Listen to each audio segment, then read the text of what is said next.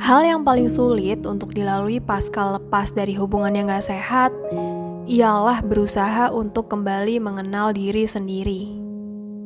Tentu saja, belajar untuk membangun kembali penghargaan yang sudah roboh selama bertahun-tahun butuh usaha yang keras. Tapi ingatlah, tak ada yang paling tahu siapa diri kita selain diri kita sendiri.